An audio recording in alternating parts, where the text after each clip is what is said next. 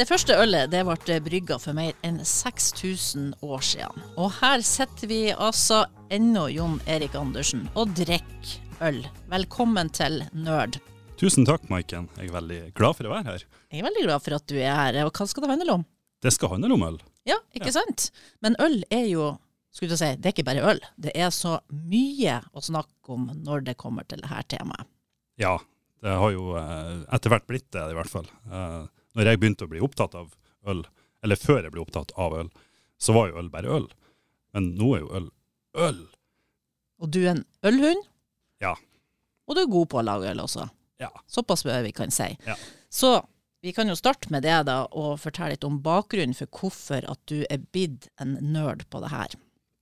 Ja, det starta jo eh, egentlig gjennom yrkesvei, da. Eh, når jeg jobba på Vinmonopolet, så eh, fikk jeg jo være med på denne reisen som har vært de siste ja, nå begynner det å bli 20 år, eh, med at mikrobryggerier popper opp rundt omkring og eh, lager produkter som eh, ikke var tilgjengelig før. I hvert fall ikke bredt tilgjengelig før. Og eh, når jeg starta på Vinmonopolet, så var det liksom ei hylle med noen produkter. Og det var ikke så veldig mange som for og besøkte den hylla, og enda færre som kjøpte. Men det var noen sånn faste kunder på noen faste produkter. Um, og så etter hvert så begynte jo den uh, ølhylla å bli litt, litt, større, da. Men for meg så var det en tur til USA som var veldig uh, sånn eye-opening, da. Uh, besøkte San Francisco og fikk drikke et øl som heter Anchor Steam Beer. Og det er ikke et sånn utrolig utfordrende spesielt øl, men det er laga på en litt annen måte og smaker dermed litt annerledes. Og det vekka et eller annet i meg som var liksom sånn wow, det her er jo mye bedre enn det jeg bruker å drikke. Så um, når jeg kom hjem, da, så begynte jeg å uh, ta litt mer interesse for den der ølhylla på jobben. Og så uh, ja, ble den jo bare større og større og større, og nå er det jo en hel vegg. Du er jo også uh, gitarist. Ja, det. Drikkes det mye øl backstage? Det, det, var mer før, må jeg innrømme. Nå begynner jeg jo å, å Altfor lite, skal du si. Begynner å bli voksen nå. ja, så nå er det altfor lite.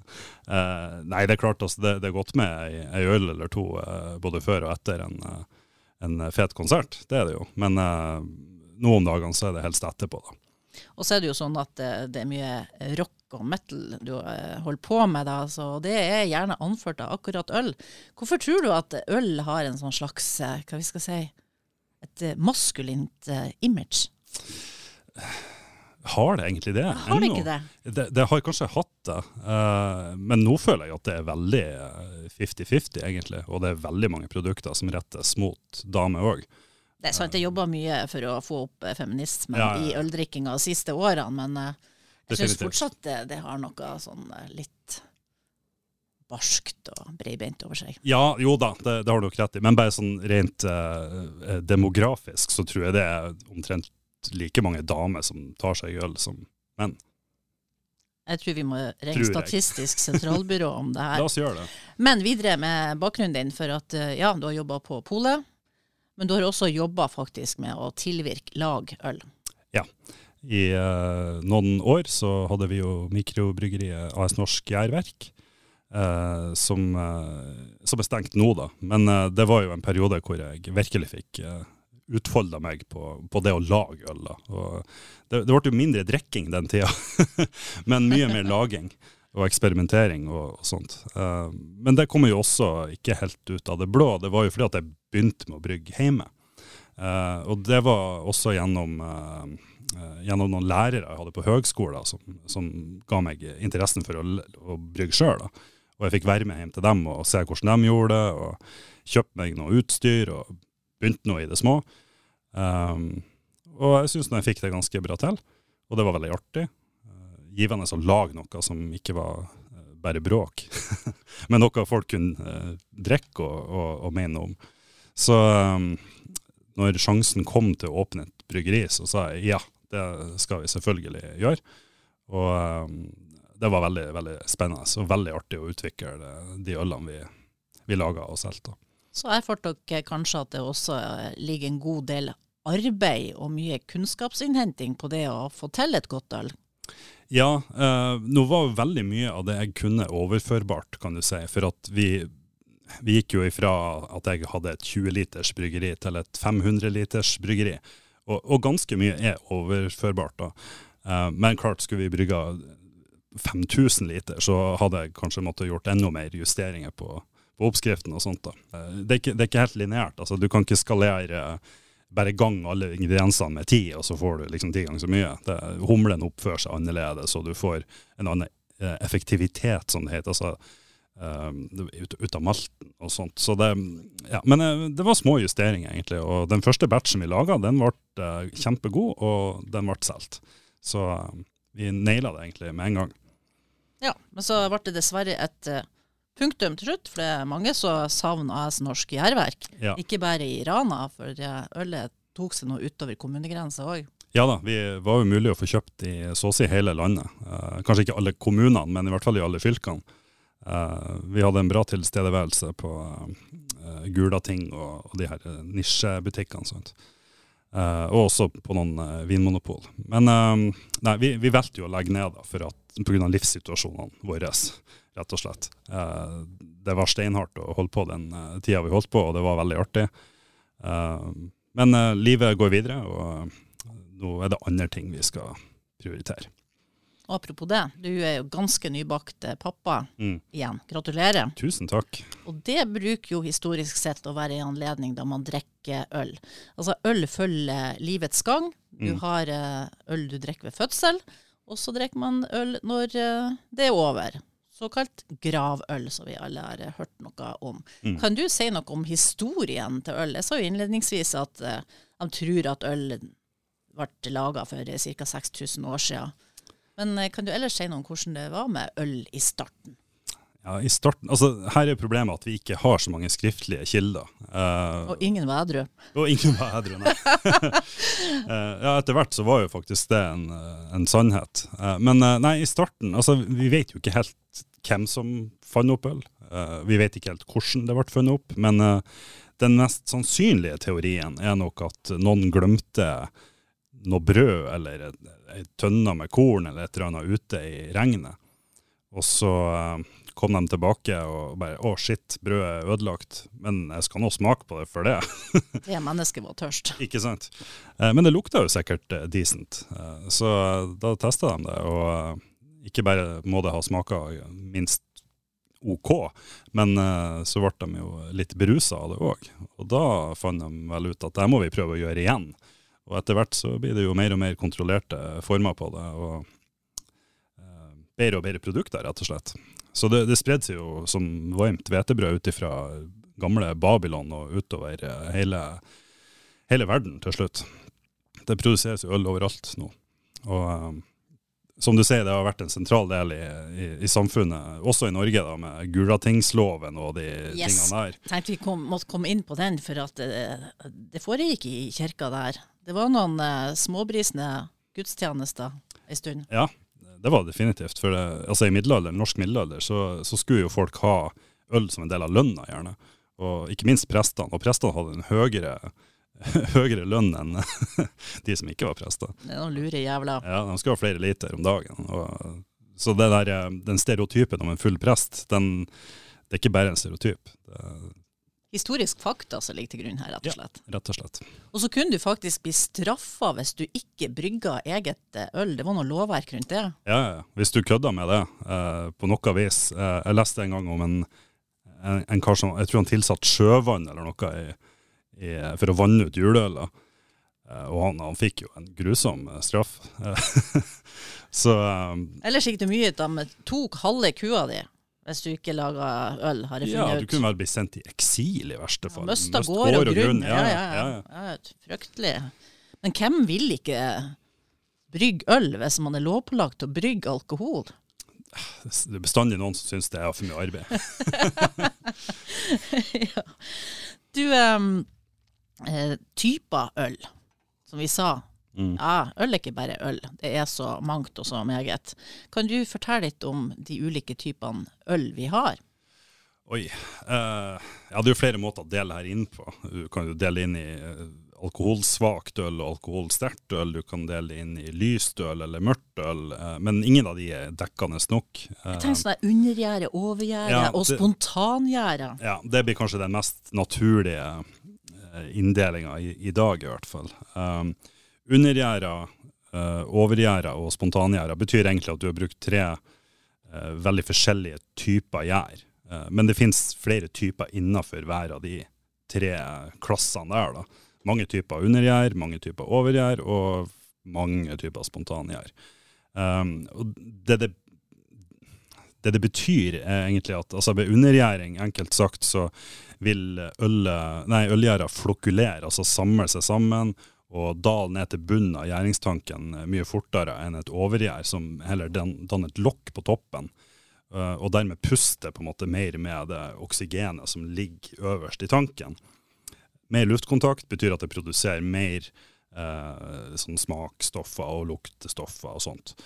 Og um, eh, undergjær, da er det mer sånn hermetisert, på en måte. ikke sant? At det, det ligger øl over det hele tida mens det er arbeid. Det får ikke den samme luftkontakten, så da får du mindre eh, av de der smaks- og luktestoffene. Mindre preg av Ikke preg av gjær, men preg av gjæras arbeid.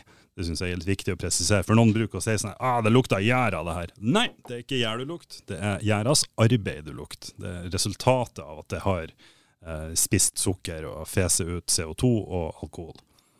Så Og en undergjæra øl kan være f.eks. pilsner. Ja. En overgjæra kan være eh, en bitter, en porter, en stout. Ja. Hvis du ser på antall eh, liter solgt av hver type øl, så er nok undergjæra den største. Og det er fordi at pils er den største enkeltkategorien, eller Akkurat. enkelttypen. Um, men det er mye lettere å lage når man har utstyr til det. For at eh, undergjæra øl, eller i hvert fall pilsner, da, det krever at du gjør det på ganske lav temperatur. Mens eh, overgjæra øl det liker romtemperatur. Så derfor er det veldig populært eh, blant heimebryggere og mikrobryggerier. Så eh, de, de færreste mikrobryggere egentlig har en pils. Okay, Så heimelaga ofte overgjæra. Utsalg ofte undergjæra. Ja, altså utsalg er òg gjerne overgjæra. Eh, men da er det de her store Ringnes, Hansa og sånt. ikke sant? Da, Hansa Pilsner, eh, Ringnes Pils, alt det der, det er undergjerda. Eh, og det lager de i enorme tanker, eh, temperaturkontrollert og alt det der. Mens eh, når vi starta, så, så brukte vi jo en, en, et 600 liters eh, plastikkegg. eh, uten, altså Den eneste måten å styre det på, det var å sette det inn i et eh, mindre rom vi kunne kjøre ned eller varme opp. da. Eh, og vi valgte jo å varme opp, for vi jobba jo med norsk gjær. Overgjær, men kveik, som det kalles. Ja, da har vi eh, nevnt undergjæret og overgjæret øl, men eh, vi må ikke glemme bort eh, å være spontan. Eh, spontangjær eh, er rett og slett en, at den gjæra som er i lufta, får lov til å fermentere vørteren du har laga. Og det finnes noen veldig gode eksempler på det her i Belgia. Um, da er det en øltype som heter gøs, eller gøse. Det skrives G-u-e-u-z-e, og jeg kan ikke flamsk, så det, jeg bruker å si gøse. Nå ble litt skuffet over deg. Ja, ja jeg òg.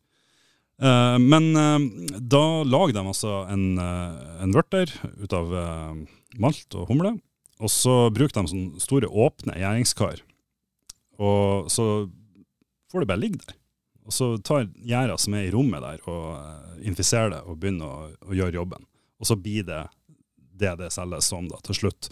Eh, Det er masse andre ting som skjer òg. De bruker å blande forskjellige årganger og, og sånn her for å få eh, årets gøse og sånt. Men eh, det, det er veldig interessant, det der, fordi at de her bryggeriene de kan nesten aldri bygge ut. For da kan de eh, røre ved den her gjærstammen som lever der. ikke sant? Og plutselig så har du introdusert noen helt andre organismer som ødelegger ølet ditt, i stedet for å gjøre det det skal gjøre. Så det er veldig sånn små, tradisjonsbundne bryggerier i Belgia som driver med akkurat denne gøsestilen. da. Um, og spontangjæra øl blir jo i dag ofte også blanda med surøl, som også har med hvordan gjær man bruker, da, men det er ikke nødvendigvis spontangjæra. Men uh, de her gøsetypene, de er sur, de er veldig syrlige. Ølets champagne kalles det gjerne. Det, det er så forskjellig fra annet øl at uh, det blir nesten mer uh, naturlig å sammenligne med en, en hvitvin eller en champagne. Hvis du smakte blindt, så hadde du neppe gjetta at det var et øl. Spennende. Ja. Det her må jo testes. Ja, det, det hadde vært eh, fint. Alltids en anledning til en uh, fake champagne, hvis vi får lov til å kalle det her ølet for det. Er ikke det Prosecco? ja, det er det kanskje. Ja, vi skal over til noe annet som du er begeistra for da, når det kommer til eh, øl, og som du for så vidt har vært trofast til i din tid som ølbrygger. Vi eh, kan snakke om kveik. Mm, ja, kveik. Åh, smak på ordet. Kveik. Ja, det er veldig norsk. Du må fortelle hva det er for noe. Ja, det er altså norsk gjær. Norsk ølgjær. Norsk gårdsgjær. Um, før i tida, sant, når eh, Gulatingsloven var i effekt og sånt, og alle måtte brygge, så hadde hver lille gård rundt omkring en eh, gjærstamme de tok vare på på et eller annet vis. Gjerne med en, eh, en gjærkrans, som er en eh, Det er laga av tre. eh, Det er en utskåret som en krans. eh, Så det er ganske mye overflate på den, sånn at ting kan feste seg i. Så når de hadde laga et brygg, så dyppa de den kransen ned i den gjærkaka som lå i bunnen, og så hang de den til tørk. Og så neste gang de skulle brygge, så slengte de oppi den der igjen for å eh, vekke opp den ølgjæra igjen, den kveiken igjen. Og så ble det øl. Og så gjorde de det samme. Uh, Dyppa den nedi, hang den opp. Og sånn tok de vare på uh, gjæra si fra brygg til brygg og fra generasjon til generasjon. Uh, og det her har jo gått over hundrevis av år. Og naturlig utvelgelse og sånt har jo ført til at da har det jo eh, liksom, en gjærtype fra Voss har blitt sånn som den er. Og så har en gjærtype oppe i Trøndelag blitt helt annerledes, kanskje. Eh, men så finnes det jo eksempler på at uh, noen har eh, vært uheldige og fått et infisert brygg. Så det har uh, rett og slett ødelagt gjærstammen til gården, og da måtte de gått til naboen og fått. Og så uh, måtte de på en måte begynne litt på nytt. da. Og i andre tilfeller så har den jo reist enda lenger. Kanskje en gjærtype fra Voss har kommet seg helt opp til Trøndelag eller, eh, eller, eller noe lenger nord, og, eh, og begynt å leve sitt eget liv der. Det var den tida det var viktig å ha et godt forhold til naboen. Ja, det, det mener jeg fortsatt at det er, men det var kanskje viktigere da. for at Når du forteller om det her, så minner det meg litt om en eh, annen nerd vi har hatt her, og når det var surdeig det handler om. Mm. For det er jo også noe at du bevarer noe og viderefører det over eh, lang tid. Ja, det er veldig mange likhetstrekk der, egentlig. Um, litt usikker på om, om surdeigen uh, smaker så veldig annerledes uh, ut ifra om du bruker den surdeigstammen eller den. Uh, det vet jeg ingenting om. Men i øl så kan det være helt avgjørende for hvilken øl du får, uh, ut ifra hvilken ølgjær du bruker. da. Og med all respekt for eh, surdeig, jeg nekter å tro at det blir like artig. Det er jeg for så vidt enig i. Ja, hvorfor eh, ble det kveik dere gikk for når dere brygga øl i AS Norsk Gjæreverk? Eh, det er det flere grunner til. Um, vi valgte vi valgte Kveik fordi, um, fordi det er norsk, og vi ville ha et litt sånn norsk preg på ting. da. Um, noe som skilte oss ifra, i hvert fall ifra de store bryggeriene. og å begynne å lage uh, liksom Ringnes Pils 2.0, det, er ikke noe poeng. Vi måtte ha noe som kunne markere oss uh, fra de andre. Og um, Det er ikke det at vi var de første som begynte å bruke kveik, for alle, del det er mange mange som har gjort det før oss, også i utlandet. Norsk kveik har blitt brukt i ganske mange øl eh, i USA og Danmark og Sverige og whatever. Men eh, jeg tror ikke noen andre hadde satsa så tungt på det som oss. Eh, for vi hadde vet ikke hvor mange øl vi hadde i produksjon før vi begynte å bruke et tradisjonelt ølgjær. Det var ganske, ganske mange produkter ute i eventyret da. Um, så det var den ene grunnen. Den andre grunnen var mer praktisk, og det var for at uh, vi hadde ikke fryktelig mye penger. Så vi hadde ikke råd til temperaturstyring på tankene og sånn, sånn som jeg snakker om du må ha for å lage en pils. Og um, kveiken den liker best temperaturer som er sånn 30 40 grader. Mye varmere enn vanlig overgjæra øl òg. Så i stedet for at vi skulle eh, ha en tank som hadde ei sånn kappe du kunne kjøre vann i for å regulere temperaturen, så bygga vi et rom og satte inn en ovn. Og så satte vi gjengstankene inni der. Og da varma vi opp hele rommet. Det var ikke spesielt sånn energieffektivt, det her da, men vi varma opp hele det lille rommet og øltankene. Og så fresa vi jo ut ølet fra bryggeriet inn på tank på korrekt gjæringstemperatur. Og så hadde vi en termostat der som gjorde at den her panelovnen slo seg eh, på når det ble litt for kaldt. Du smiler godt og blir litt sånn blank i blikket. Det, Ja, det- Du, du opparbeider deg litt uh, ølnostalgi på denne tida. her.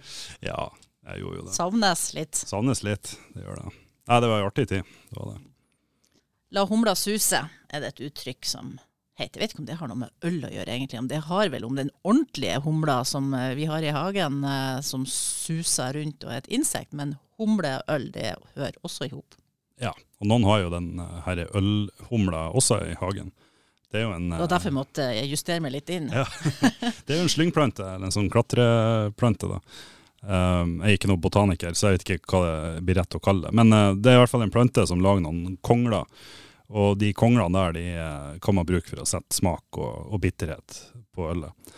Og når man på en måte designer et øl, så skal man jo bygge det opp av uh, hva slags malttyper man bruker, og hva slags gjær man bruker, hva slags eh, vann man skal bruke, for det er også en faktor. Man kan justere litt på vannet for å få det litt sånn hardere eller mykere. Um, og så er det da selvfølgelig humle. Og det blir som Det blir feil å si krydderet, for at det er jo ganske mye mer dominerende enn bare litt salt og pepper. Um, det kan være hele ryggraden i enkelte typer øl, sånn som India Pale Ale og sånt. Det, uten humle så hadde det bare vært vørterøl med alkohol, i mangel av noe bedre uttrykk.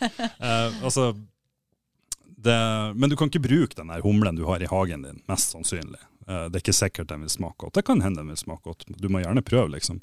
Eh, men eh, både heimebryggere og, og profesjonelle bryggere de kjøper jo humle ifra eh, forhandlere som har kjøpt det fra en gård en eller annen plass. Og det er jo sånne svære operasjoner, særlig i USA.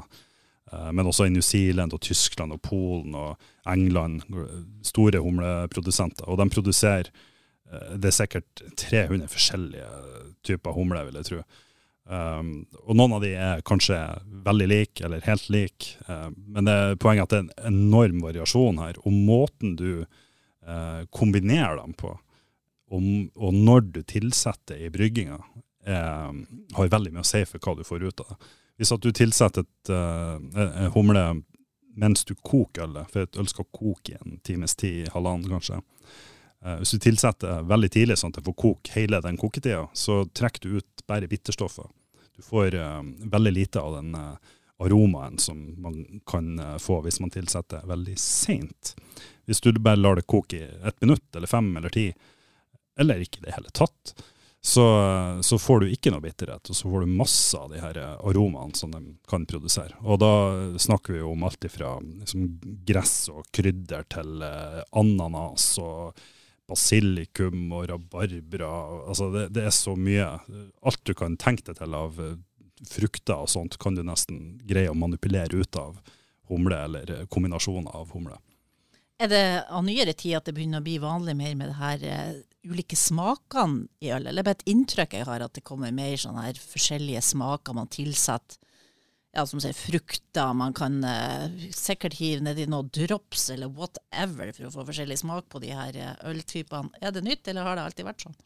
Um, I Norge er det vel relativt liten tradisjon for å tilsette så mye annet enn einebær og og einerkvister, da. Men det hadde jo med at det var sånn man, man brygga det før. Um, men i Belgia så er det jo ganske populært med sånn som kirsebær og, og sånne ting. Um, det henger jo litt i hop med denne renhetsloven her da, som du sikkert har hørt om. Ja. Um, jeg husker ikke når den ble innført, men uh, 1500-tallet eller noe sånt, 1400-tallet i Tyskland. Uh, og den sa jo at et øl skal være brygga av malt, humle og vann. Ingenting annet. De tok ikke med gjær på den lista, for de ante jo ikke at det eksisterte. Så det måtte bli lagt til senere. Um, og norske bryggerier har jo um, skrevet med stolthet på flaskene eller boksene sine 'brygget etter den tyske Rundhutsloven'. Uh, som om at det er liksom en, en, standard vi alle skal prøve å etterleve. Um, men poenget med den renhetsloven var jo ikke å, å sikre at ølet skulle være uh, på en spesiell måte, egentlig. Det var for å sikre at bare bygg ble brukt i ølbrygging, sånn at hvete uh, og rug og alle andre kornslag ble tilgjengelig for bakerne. Så det ikke skulle bli matmangel. En strategi bak det. Rett og slett eh, økonomisk politikk. Ja. Så, eh, men i Belgia så hadde de ikke noen renhetslov, så de ga jo katten i det og fortsatte å tilsette det de fant for godt. Og, så du kan jo ofte kjøpe sånn her kirsebærsurøl, f.eks. Det er ganske godt hvis, hvis man liker kirsebær og, og, sure ting. da. Og det er jo helt rødt, og det er jo fordi at det er tilsatt frukt. Um, I, i senere tid så er jo mango og, sånne her ting blitt veldig poppis. Mango-ipa og, og sånt. Eller med fått seg sin sang en sang om mangoipa. Har du ikke hørt den? Hei, mangoipa. Nei, jeg hører ikke Har du ikke hørt Jeg hører ikke på musikk. Nei, det er en stund siden du var russ, da. ja, da, da, hørte jeg heller ikke på russemusikk, akkurat. Men uh, Skal sende lenker til deg, så du kan kose deg med den låta etter denne podkasten. Ja, ta og gjør det, vær så snill. Ja, det var et langt hopp her fra eh, belgisk eh, kirsebærøl til mangojipa. Men imellom der så er det jo masse ting òg hvor eh, folk eksperimenterer. ikke sant? Og særlig når renhetsloven ikke var en lov lenger. Eh, og den har jo aldri vært noe, noe lov andre plasser enn i Tyskland, så vidt jeg vet. Eh, så har jo bryggerne hatt lyst til å prøve. Um, og særlig mikrobryggeriene, for det er jo mye lettere å gjøre et valg der om at ja, la oss prøve å hive det her oppi for at det er bare snakk om et par tusen liter, ikke sant, enn at uh, en stor uh, bryggerigigant skulle finne ut ja, skal vi prøve å tilsette litt uh, Ja, du skjønner, det, det kan fort bli dyrt å eksperimentere på, den, på det nivået. da. Jeg ser jo ikke bort ifra at alle de smakene også har med målgruppa å gjøre. Noen nye unge, og kanskje også så vi snakker om damen. Absolutt, det tror jeg nok. for det kan jo tilføre litt, både litt farge og litt selvfølgelig smak, da, som er det viktigste. Um, det er klart det åpner jo for, for, nye produkter, rett og slett. Nye grupper med, med, med smaker. Og mangoipa er jo en sånn her folkefavoritt nå for tida, uten at jeg helt skjønner hvorfor. For jeg syns jo en IPA i seg sjøl er veldig fruktig og har det man trenger av mango og sånt. Men hvis at man går på polet og kjøper noen sånne helt ekstreme greier, uh, sånn som det er et bryggeri som heter Salikatt, som har en øl som heter Mango Smoothie. Og det smaker mango smoothie med alkohol, men det er et øl. Det høres sært og ikke så godt ut, Ja, men det er det. Det er kjempegodt. Det er, okay. det er sykt godt. Men den er ordentlig sånn tjukk og kremete og sånn uklar og bare sånn mm, Ser ut som en smoothie. Smaker som en smoothie. Eh, kunder på polet er veldig eh, forskjellige, sånn som alle er. Men eh, de som først kommer til polet for å kjøpe øl, de er jo ofte der fordi at de har lyst til å prøve noe annet, og lyst til å prøve noe nytt, og utforske hva som finnes. Men noen vet jo veldig godt hva de skal ha, og, og trenger egentlig ikke hjelp. Noen er bare interessert i at du peker ut hva som er nytt siden forrige gang. mens andre er ute etter en opplevelse til mat. Andre vil jo kanskje ha en gave til til en pappa eller en kjæreste eller eh, et eller annet sånt. Eh, og det er jo noe for alle der ute. Eh, I det utvalget som finnes nå, så altså, Jeg møter folk som sier 'jeg liker øl'. Så tenker jeg sånn det, Du har sikkert rett på et vis, men jeg tror ikke du har smakt alle. For jeg tror det er et øl for alle der ute. Og så når vi er nå på polet, det er vel kanskje en vesentlig ting å ta med, og det er alkoholprosenten. Mm. For der eh, er det litt mer å gå på når du kommer eh, inn på polet, er det ikke det? Jo, eh, alt som er over 4,7% skal jo være på Vinmonopolet. Så det betyr at det er en del stiler som du rett og slett ikke får kjøpt i butikk. Fordi at eh, stilen er at de skal være sånn og sånn sterk, f.eks. 6% eller 9% eller noe sånt. Og hvis du skal lage Du kan ikke lage det samme ølet og bare gjøre det svakere, for det blir ikke det samme ølet. Da er det noe annet. Hvor sterkt kan øl bli?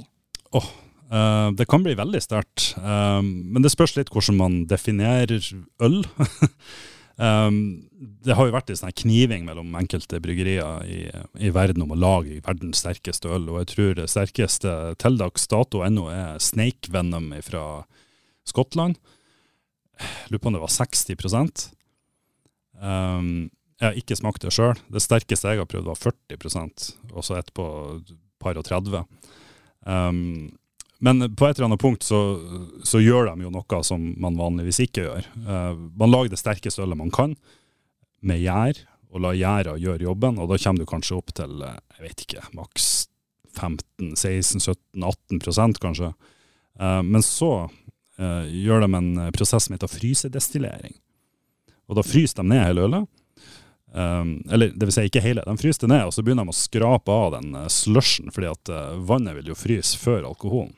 Og sånn får de på en måte uh, gjort det sterkere. Yes. Ja. Og da har du per definisjon ikke destillert det, sånn som du ville gjort hvis du skulle laga et brennevin. Så det er ikke brennevin per definisjon. Det er fortsatt et øl, du har bare kjøla det ned og fjerna litt vann. Så det er en smart måte å omgå det på. Jeg lurer på om det er lovlig i Norge, forresten, å gjøre det hjemme. Kan, kan, noen komme og ta meg for at jeg fryser ned ølet mitt? Det vil du merke hvis de kommer etter deg. Ja, da skal jeg prøve.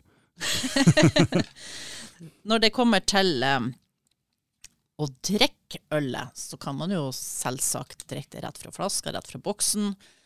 Men det er jo også mulighet å drikke ifra glass. Og da kom jeg til å tenke på at vi hadde en podkast om vin. Ja. Og da snakka vi om det at eh, glasset kan ha mye å si for smaksopplevelsen. Mm. Kan du fortelle litt om eh, ølglass? Ja, jeg kan ikke kjempemye om det her. Jeg har jo noen forskjellige typer ølglass eh, hjemme. Um, jeg opplever ikke at det er like viktig som med vin. Det gjør jeg ikke. Uh, så lenge du har det i et glass, så allerede da har du tatt et kjempesteg fra å ha en flasketut eller en liten boksåpning. Og det handler jo rett og slett om å, at uh, aromastoffene skal få slippe ut og, og treffe nesa di mer. Um, men det er klart, du har jo sånn tulipanformer, du har stett og, og, sånne ting. Jeg er glad i, i, glass med stett når jeg skal smake på ting, men det er mest for å ikke klodre til med fingermerker og sånt. Og du kan holde den opp og se i lyset og, og sånne ting. Men for smaken så har du ikke noe å si om det er en stett eller ikke. Uh, da er jo egentlig formen på åpninga og, og, sånne ting, om du har den tulipansjuppen eller om at det er mer avrunda og sånt. Men jeg, jeg har prøvd å, å se etter forskjeller der, og jeg, jeg greier ærlig talt ikke å finne noe store variasjoner i, i de her glassåpningene, egentlig, på, på, øl. da. Det gjør jeg ikke. Har du sett eh, filmen 'Frihetens regn'? Ja. Husker du den ølscenen der? Nei. når, eh, når, han fikk betalt i øl, så han kunne sitte og nyte ei øl oppå taket der i lag og føle seg som frie menn. Ja, OK. Ja. Og det er jo noe med det med øl uten at man må ha alkohol for å bli kompiser. Men det er noe med øl og vennskap og det der å henge i lag og ta ei øl. Det er mye sosialt aspekt. Et slags samhold rundt ølet også. Ja, absolutt. Skal vi ta ei øl i lag, liksom? Lønningspils og Ja, ja, ja. Det, det, henger nok litt i hop med at det er et rusmiddel til syvende og sist. Er det derfor? Jeg vil tro det. Um, det er jo ingen som sier skal vi dra ut og ta oss en Pepsi Max i kveld. Selv om det er den mest uh, solgte brusen i Norge. ikke sant? Uh, men uh, det er klart, man blir jo god og varm av ei øl. og Det er jo ingenting som å bli god og varm i lag med folk du er glad i. Det er mye å velge i, i øl. Har du noen personlig preferanse? Ja, jeg har masse personlige preferanser. men det kan variere fra uke til uke, fra år til år var i en periode hvor jeg nesten utelukkende drakk IPA. Uh, og den perioden varte ganske lenge. Um, og så begynte jeg å bli mer og mer interessert i mørke, tunge, sterke øl, sånn som Stout og Imperial Stout og Barrel Aged Imperial Stout og, og så videre. Um, og så litt tilbake til uh, litt sånn lettere, lysere ting som Saison og, og sånne ting, og, og mer belgiske stiler. Uh, nå for tida så har jeg egentlig gått full circle, og nå setter jeg mest pris på en, en vanlig halvliter. altså en vanlig pils. Det syns jeg er veldig forfriskende, rett og slett, nå. Uh, kanskje ikke nå på høsten, men om, om, sommeren så er det et veldig godt valg. Og, og det, det, har du sikkert merka sjøl når du har vært i Syden og sånn, at uh, temperaturen har jo ganske mye å si for um, at ølet smaker veldig godt og forfriskende. Så de her lette, lyse typene de er fine om sommeren, mens jeg gjerne kan ta noen uh, mørkere, tyngre når det er vinter og, og, jul og sånt. Apropos jul. Juleøl er jo blitt en stor greie. Det er det jo ja. Hvert år snakker man om de her juleølene. Hva som er et bra juleøl? Um, et bra juleøl er jo først og fremst et bra øl. Dem som hørte du smatta nå, de trodde kanskje at du satt og drakk øl hele tida her. Det gjør du ikke da, men du skal få smak på noe snart. Yay. Men først litt om uh, juleøl. Ja. Sorry, avbrytelsen. Ja, nei, det går bra. Det var bare litt vann jeg eh, måtte ta i meg her. Um, uh, nei, altså juleøl, det spørs litt hva man skal bruke det til. da. For man kan jo ha det som et, uh, bare et koseøl mens man sitter og åpner pakkene, eller etterpå. Um, kanskje man har det til middagen i stedet for vin. Um, ja, så Det spørs jo hva man skal ha på fatet, da, rett og slett. Um, men et, et bra juleøl er et bra øl. Det er ikke noe spesielt med det, egentlig. Men, um, og, og særlig i dag, hvor et juleøl ofte er egentlig et vanlig øl som blir solgt ellers på året med en annen etikett på seg. Det er jo juks. ja, det er jo det. Men um, sånn tradisjonelt juleøl, det skal jo være litt eh, mørkere enn vanlig, og kanskje litt sterkere enn vanlig, og i noen tilfeller litt krydra òg, med sånn julekrydder. da. Litt kardemomme og litt nellik og kanskje appelsin. og ja. Kan man si noe om nasjonalitet, da? Har, det lages øl overalt, sier du. Mm.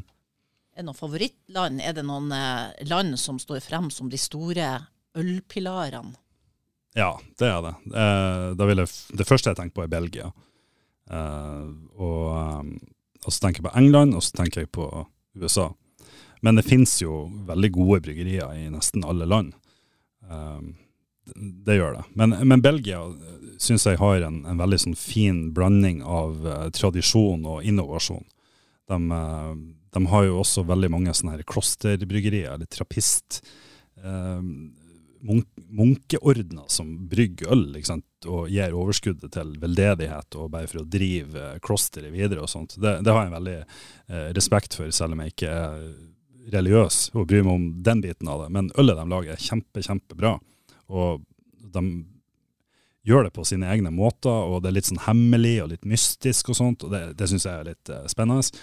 Um, men de produktene de lager, de er på en måte umulig å etterligne på mange måter. Um, man kan lage øl som ligner, men det blir liksom ikke helt det samme. For de har noen hemmeligheter de ikke deler videre. Belgia er eliteserien for øl. Ja, According to you. Yes, Men according kan, to me. kan Norge gå med rak rygg når det kommer til øl og ølbrygging? Ja, ja, definitivt. Det, vi har jo lange tradisjoner for å lage mye øl her. Uh, men de siste årene har det jo dukka opp ufattelig mange bryggerier, og veldig mange av dem er veldig, veldig bra. Um, og vi står ikke tilbake for, eh, for noen nasjoner sånn sett, i, både mangfold og, og kvalitet. Det er mye fine uttrykk, vanskelige uttrykk i øl, som ikke er sånn noe du umiddelbart forstår. F.eks. mesking, og du har allerede brukt ordet fermentering. Mm. Det er viktige ord i øltilvirking. Hva er mesking, f.eks.?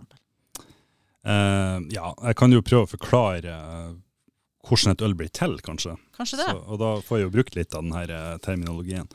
Liten um, fødsel her. En liten fødsel, ja. Um, nei, det begynner jo med at du skal ha malt. Og det trenger kanskje også en forklaring. Hva er malt? Eh, jo, det er korn. Det er som oftest bygg, men det kan være hvete og rug og andre ting.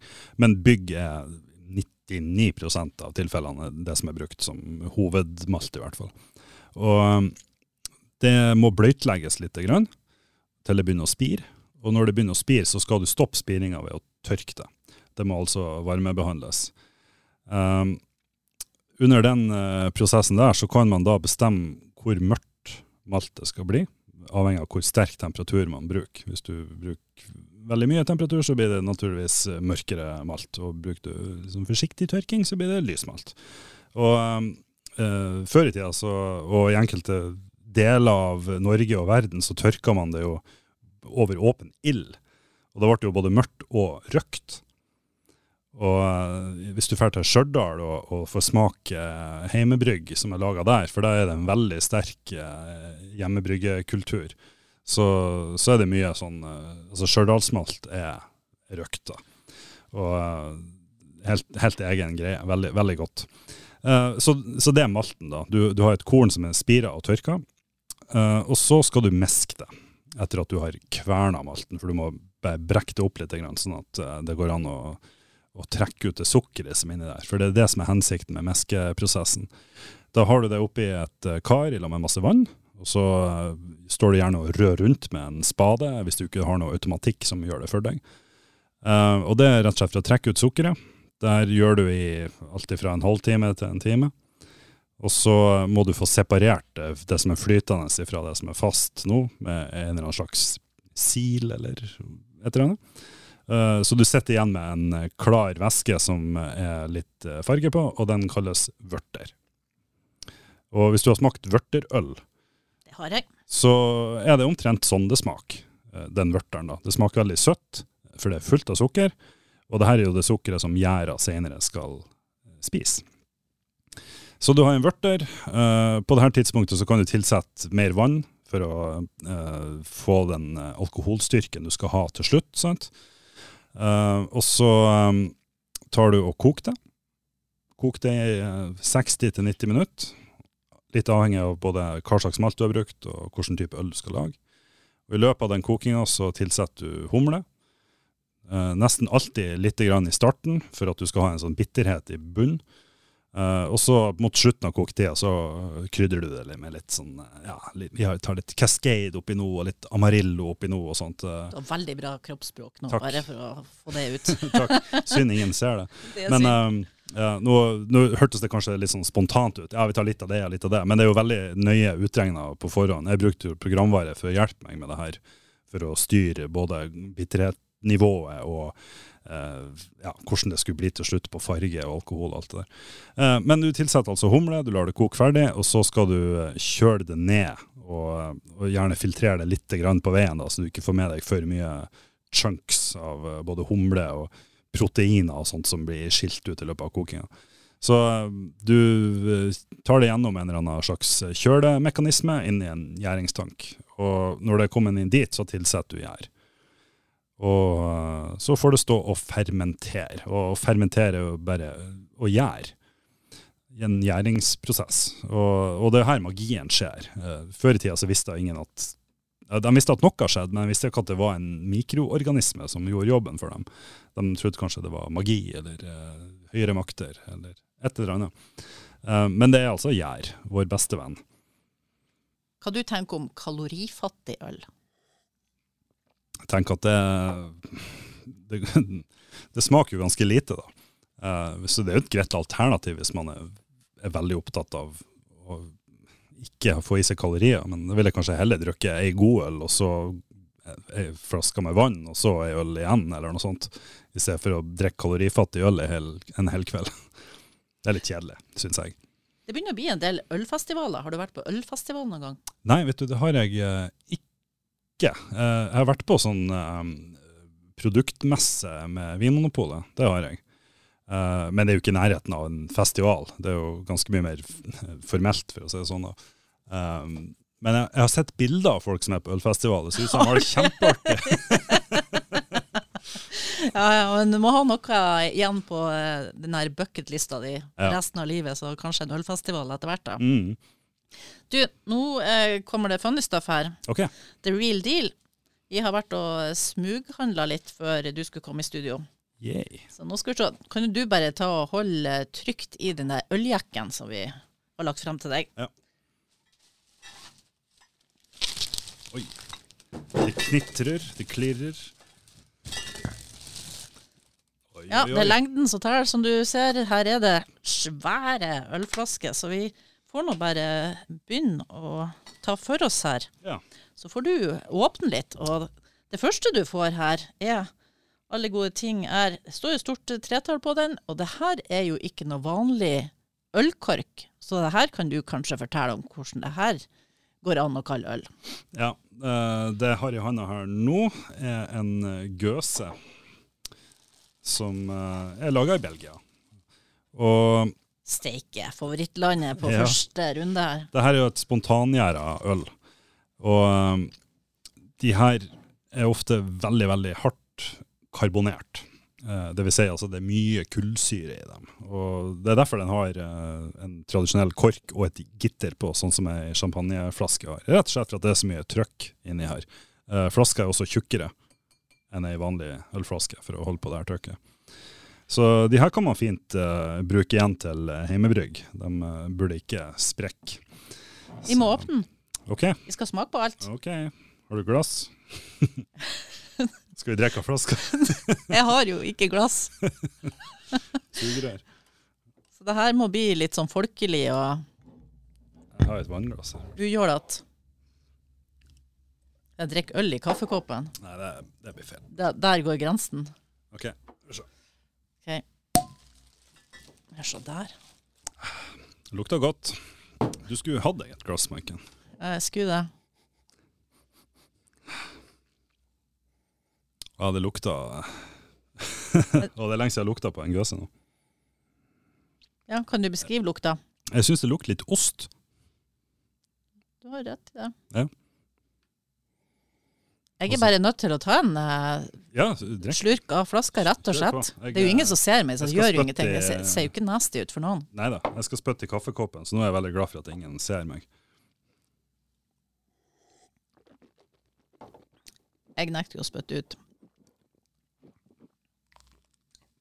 Jeg må kjøre hjem etterpå.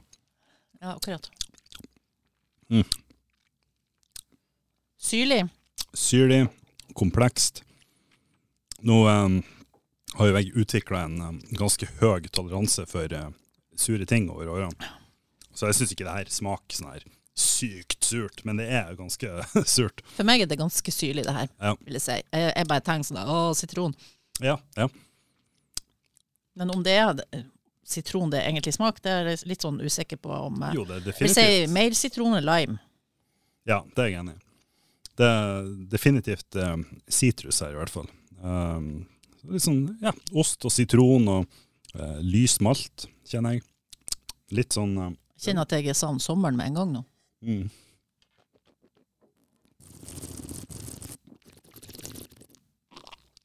Jeg fikk det til ganske bra, den slurpinga, for det lærte jeg på vinpodkasten. Ja, ja. Men er det likens man skal smake på øl som vin? Ja. Hva, du gjør når du skal, hva gjør du når du smaker sånn? Um, nei, jeg er jo vant til å, å ha en ganske sånn analytisk approach til ting, og da skal jeg først se på produktet og, og vurdere farge og, og kullsyrenivå og, og sånne ting. Eller skum. Um, og så lukter jeg på det, og så til slutt smaker på det. Og det er jo under smakinga man eh, slurper litt. Og det er rett og slett for å få litt oksygen inn der, så man eh, frigjør mer av, eh, av smaksstoffene. Det var veldig godt det her. Du er ikke skuffet over oss så langt? Mm -mm. Ja, Tvert vi må ta opp neste, vi. Mm, Du hadde litt sånn bedre tid til alt, da, men uh, vi skal jo prøve å holde oss innafor timen omtrent, så Ja. må vi bare kjøre på. Vi kjører på. Der kommer en uh, norsken til deg. Ah, yes. Nøgenø Imperial Stout. Den her har jeg faktisk i kjøleskapet hjemme. uh, og hadde tenkt å, å knerte den uh, når uh, dattera mi ble født. Å, Ja, Men uh, det, det ble ikke. Rett og slett. sli- var for sliten. Ja, det ble ei vanlig pils isteden. For at eh, det, det, det er et lite prosjekt å skal drikke sånne her flasker alene, for den her er 9% og den er køl svart. Og smak ganske Oi, dæven. Oi. Ja, den er jo eh, skikkelig mørk. Har du rista posen før du Nei, jeg har ikke det. Nå ble det øl utover hele bordet her, men OK, det får våge seg. Det går bra. Vi er jo ikke så fine på det. Nei. Da kan vi jo nå eh, repetere tidligere lærdom Undergjerda, undergjæra, overgjæra, spontangjæra. Stouten er Den er overgjæra. Den, eh, og, og det betyr at gjerdas arbeid gir et mer sånn fruktig preg enn undergjær ville ha gjort. Um, Nå jo lukter jeg på uh, flasketoppen her. Og jeg vet ikke, jeg tenker mer sånn karamell. Ja. Det rett? Absolutt. Det, her er det sikkert eh, fire-fem forskjellige typer malt, i hvert fall. Og jeg vil tippe at en av de heter caramel. Uh, så det preget vil nok komme ifra malten her. Uh, jeg syns òg det er ganske sånn tydelig kaffepreg på det her. Absolutt. Og det kommer av den enda litt svartere malten, kanskje. Og helt annerledes enn den forrige champagneaktige øla. Ja. Hvis at det var en champagne, så er jo det her en dessertvin. kan man si. Mm. Den er, den er 9 men det betyr ikke at den er liksom knusktørr. Den har masse restsødme i seg fra de her eh, svarte malttypene.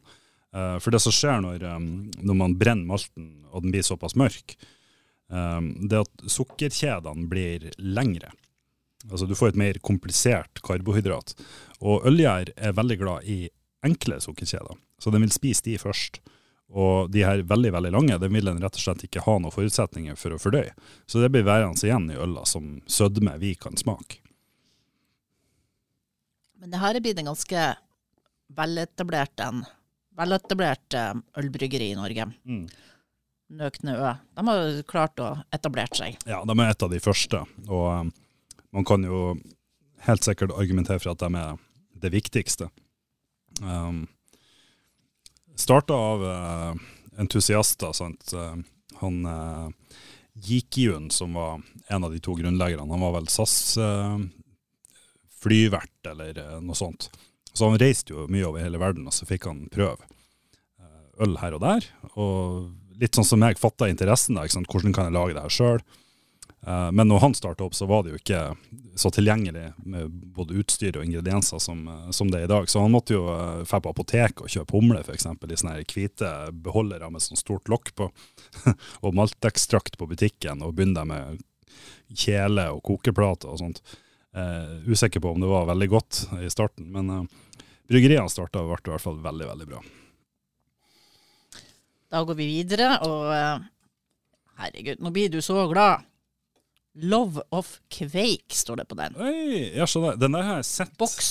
Jeg aldri smakt den. Så Vær så god. Takk. Nå får du eh, spredt den. Bygland bryggeri i OK. Ja. Hvor er Bygland hen? 9 igjen. Er du opptatt av hvordan øl ser ut sånn visuelt? Tenk på innpakning og etiketter og sånn. Jeg var veldig eh, opptatt av det når vi drev byggeri, i hvert fall. Uh, men ellers så Jeg vet jo at i mange tilfeller så er det jo lipstick on a pig.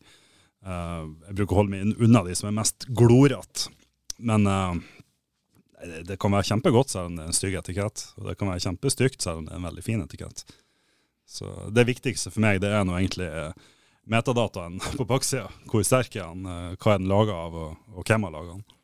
Det vi kan si om uh, den her som du drikker nå, som er merka Love of Quake og Framgarden, den hadde veldig sånn vikingstyle i uh, utformingen, designet. det der er en gjærkrans. Ikke sant? Ja. Hva du kan. Akkurat som jeg Skulle tro du var nerd. Eh, beskrev. Ja, det er gjærkrans det der. Så du ser alle de her taggene stikker ut her. De, de, er ikke bare liksom en, en kloss, de er skåret til sånn at det skal være veldig mye overflate på dem for å få mest mulig gjær på dem. Vi prøvde lenge å finne en gjærkrans her oppe i distriktet. For vi ville prøve å, å få tak i noe lokal gjær vi kunne bruke. Men uh, det er umulig. Det virker som at det ikke har vært noe særlig aktivitet her, rett og slett, på den fronten. De som hører det her og eventuelt sitter med en uh, gjærkrans på lur, mm. de får ta kontakt. Mm. Nå skal jeg òg smake. Veldig annerledes veldig annerledes, og jeg syns den eh, lukter spesielt. Ja, det er nok den her eh, altså, Kveiktypen her er framgarden. Ja, nei, jeg er glad jeg har smakt den, men jeg, jeg, tror ikke jeg ville kjøpt den der sjøl. Nei. nei. Da tar vi neste her. Jeg gir den over til deg, og nå må det jekkes, for her har vi en god gammel ølkork som skal av. Ja, en kapsel. Skal du si hva du har fått der? Her er en Weihenstefaner Hefe Weissbier. Weihenstefaner Hefe Weissbier. Og den her er jeg veldig godt kjent med, for det her er et ekstremt bra øl. Um, det er ikke noe veldig sært med det.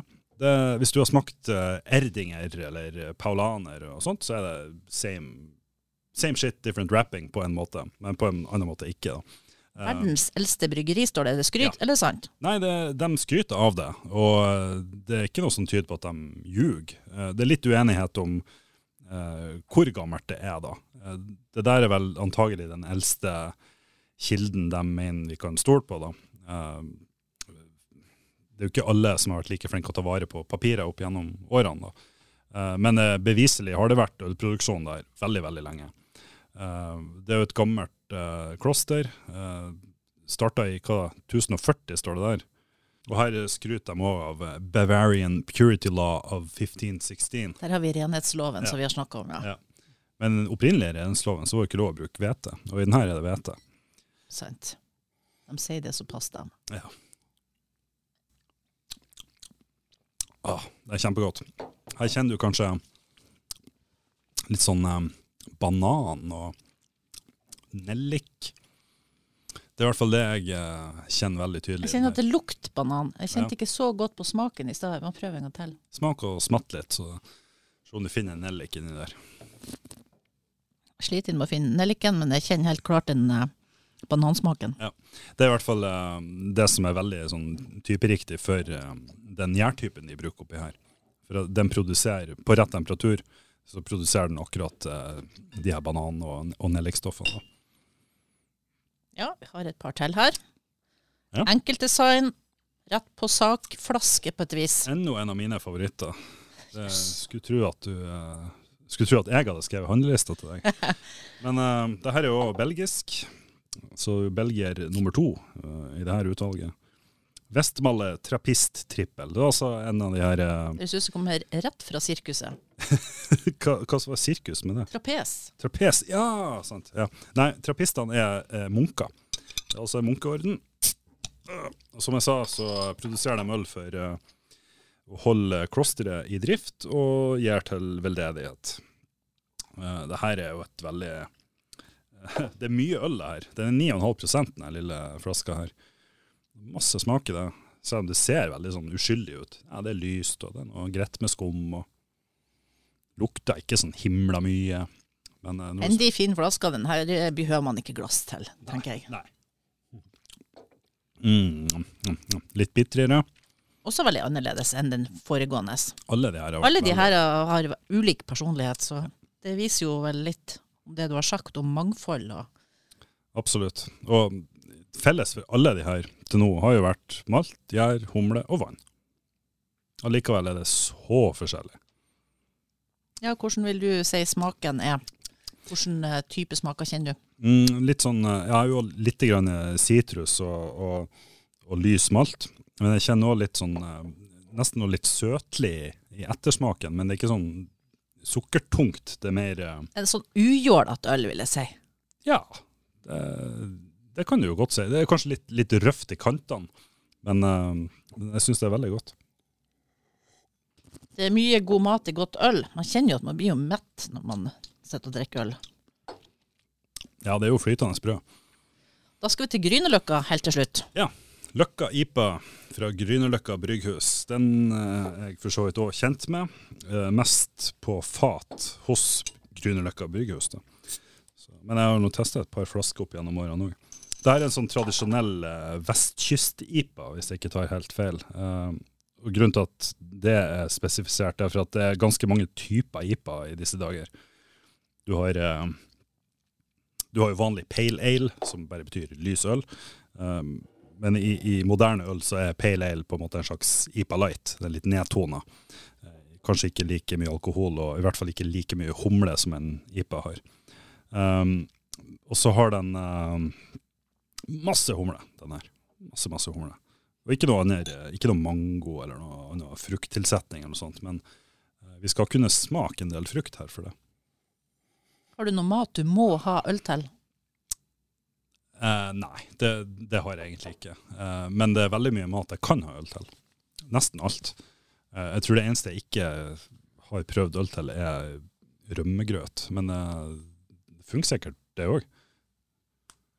Du kan jo ta det norskeste av det norske, så kan man ta ei skikkelig anerkjent norsk øl, og så eh, pare den med en god fårikål. For eksempel. du, eh, den her og fårikål, det har vært eh, godt. Surøl og fårikål. Champagnevarianten. Ja, ja. Det første vi prøvde. Enten en vanlig pils eller en uh, supersær uh, belgisk uh, spontangjæra surøl. Det smaker jo helt klart IPA, selvsagt det her, men kan Mm. du utdype smaksbildet på den her? Mm. Først og fremst er den jo helt klart den bitreste øla av de her. Og det må jeg bare si, det er jo egentlig helt utrolig at IPA har blitt den dominerende stilen i, hos mikrobryggeriene. Altså, hvem hadde trodd at noe så bittert skal selge i så, så stort volum? Eh, for det er jo ganske utilgjengelig stil sånn på overflata. Men eh, det er jo noe her som er veldig appellerende, da, og det er de her fruktige eh, tonene. Veldig sånn sammensatt tropisk fruktbilde. Litt sånn pasjonsfrukt og mango og um. Nå tar jeg sikkert helt feil. Jeg kjenner det her du sier om fruktsmaken. Mm. Samtidig så syns jeg jeg kjenner en sånn anelse noe sånn sjokoladeaktig. Men jeg vet ikke om jeg tar helt feil. Jeg skal ikke si at du tar feil, for eh, alle har nå sin egen nese. Men uh, jeg, vil, jeg vil kanskje tro at du blander med noe annet. Uh, litt vanskelig å si hva det er, men Det er kanskje fordi at um, Jeg er jo bare en amatør. Det kan jo være derfor. mørk sjokolade er jo veldig bittert. Så kanskje det er litt av det som henger igjen der, at hjernen din lurer deg til å tro at du skal drikke mørk sjokolade. Ja, den har lurt meg før, for å si det sånn. Ikke sant? Nei, veldig godt, uh, godt øl her. Kjempegodt komponert type. Da var smakstesten ved veis ende. Ja, det gikk fort. Gjorde det. Men sånn til slutt, hva er det som gjør at du blir så evig fascinert av øl? Og hva tenker du at du har lyst til å utforske fremover? Eller føler du at nå, nå kan jeg alt? Nei, jeg kan ikke alt. Det, men det er jo kanskje det som er så appellerende med det, at man blir aldri helt utlært på det her. Um, nå har jeg jo mer eller mindre slutta å lage øl, men jeg har ikke slutta å drikke det. Um, jeg syns det er artig å prøve nye ting. Um, det gjør jeg. De, siste årene så har jo den nye trenden vært å fatlagre øl. Og det syns jeg er veldig artig. Og jeg har ikke gjort det sjøl, for det er både dyrt og tungt og komplisert og alt det der. Men, uh, men å dra på polet og kjøpe noe det står barrel aged på blindt, og bare prøve det, det syns jeg er veldig artig. Uh, for du vet ikke helt hva du får, uh, men det er nesten alltid noe annet. For fatet setter egen, sitt eget preg på det, sånn som det gjør med vin. ikke sant? At du har en veldig vellagra rødvin. Eh, De her ølproduktene vil jo naturligvis være litt mer kostbare. Du betaler fort kanskje et par hundre kroner for ei, lita flaske. Og folk tenker jo at det er gærenskap, men det er mer sammenlignbart med å kjøpe seg ei god flaske vin enn enn en halvliter med øl på butikken, liksom. Eh, men der får man i hvert fall veldig, veldig komplekse øl. Og, og i noen tilfeller så kan man jo være heldig å få tak i et øl som man kan kjøpe den ikke-fatlagra varianten av også. Så kan man sammenligne, og det er litt sånn artig. For da kan man veldig tydelig se hva er det fatet har gjort med akkurat denne øla. Vi snakka om øldestinasjoner, øldestinasjoner, -hmm. og du har jo også trykket frem Belgia som en favoritt. Men neste gang du skal ut og reise i verden, og øl er en av ingrediensene i turen din, hvor tror du det blir? Da kunne jeg eh, Jeg kunne godt ha reist eh, Jeg har vært der før, da, men eh, til Portland i Oregon i USA. Eh, De har veldig høy tetthet av mikrobryggerier i den byen der, og veldig bra miljø for, for både brygging og drikking. og um, Veldig trivelig plass å, å være på ferie, rett og slett, i, i Portland. da. Så, og der er det veldig mange store bryggerier. Også bryggerier som har vært å få kjøpt her på polet. Har i hvert fall starta der, og så har de kanskje bygd opp en eh, europeisk eh, divisjon hvor det brygges for europamarkedet. Eh, men jeg er helt sikker på at jeg har kjøpt og drukket øl fra Portland i butikken her i Mo i Rana. Men da skal du få lov til å reise hjem, Jon Erik Andersen. Og tusen, tusen takk for at du tok turen og nerdifiserte oss på øl. Og du skal faktisk kjøre hjem, for du har jo spytta ut alt. Ja. Du er vitne. Det er jeg. Hjertelig takk for besøket. Takk for at dere ville ha meg.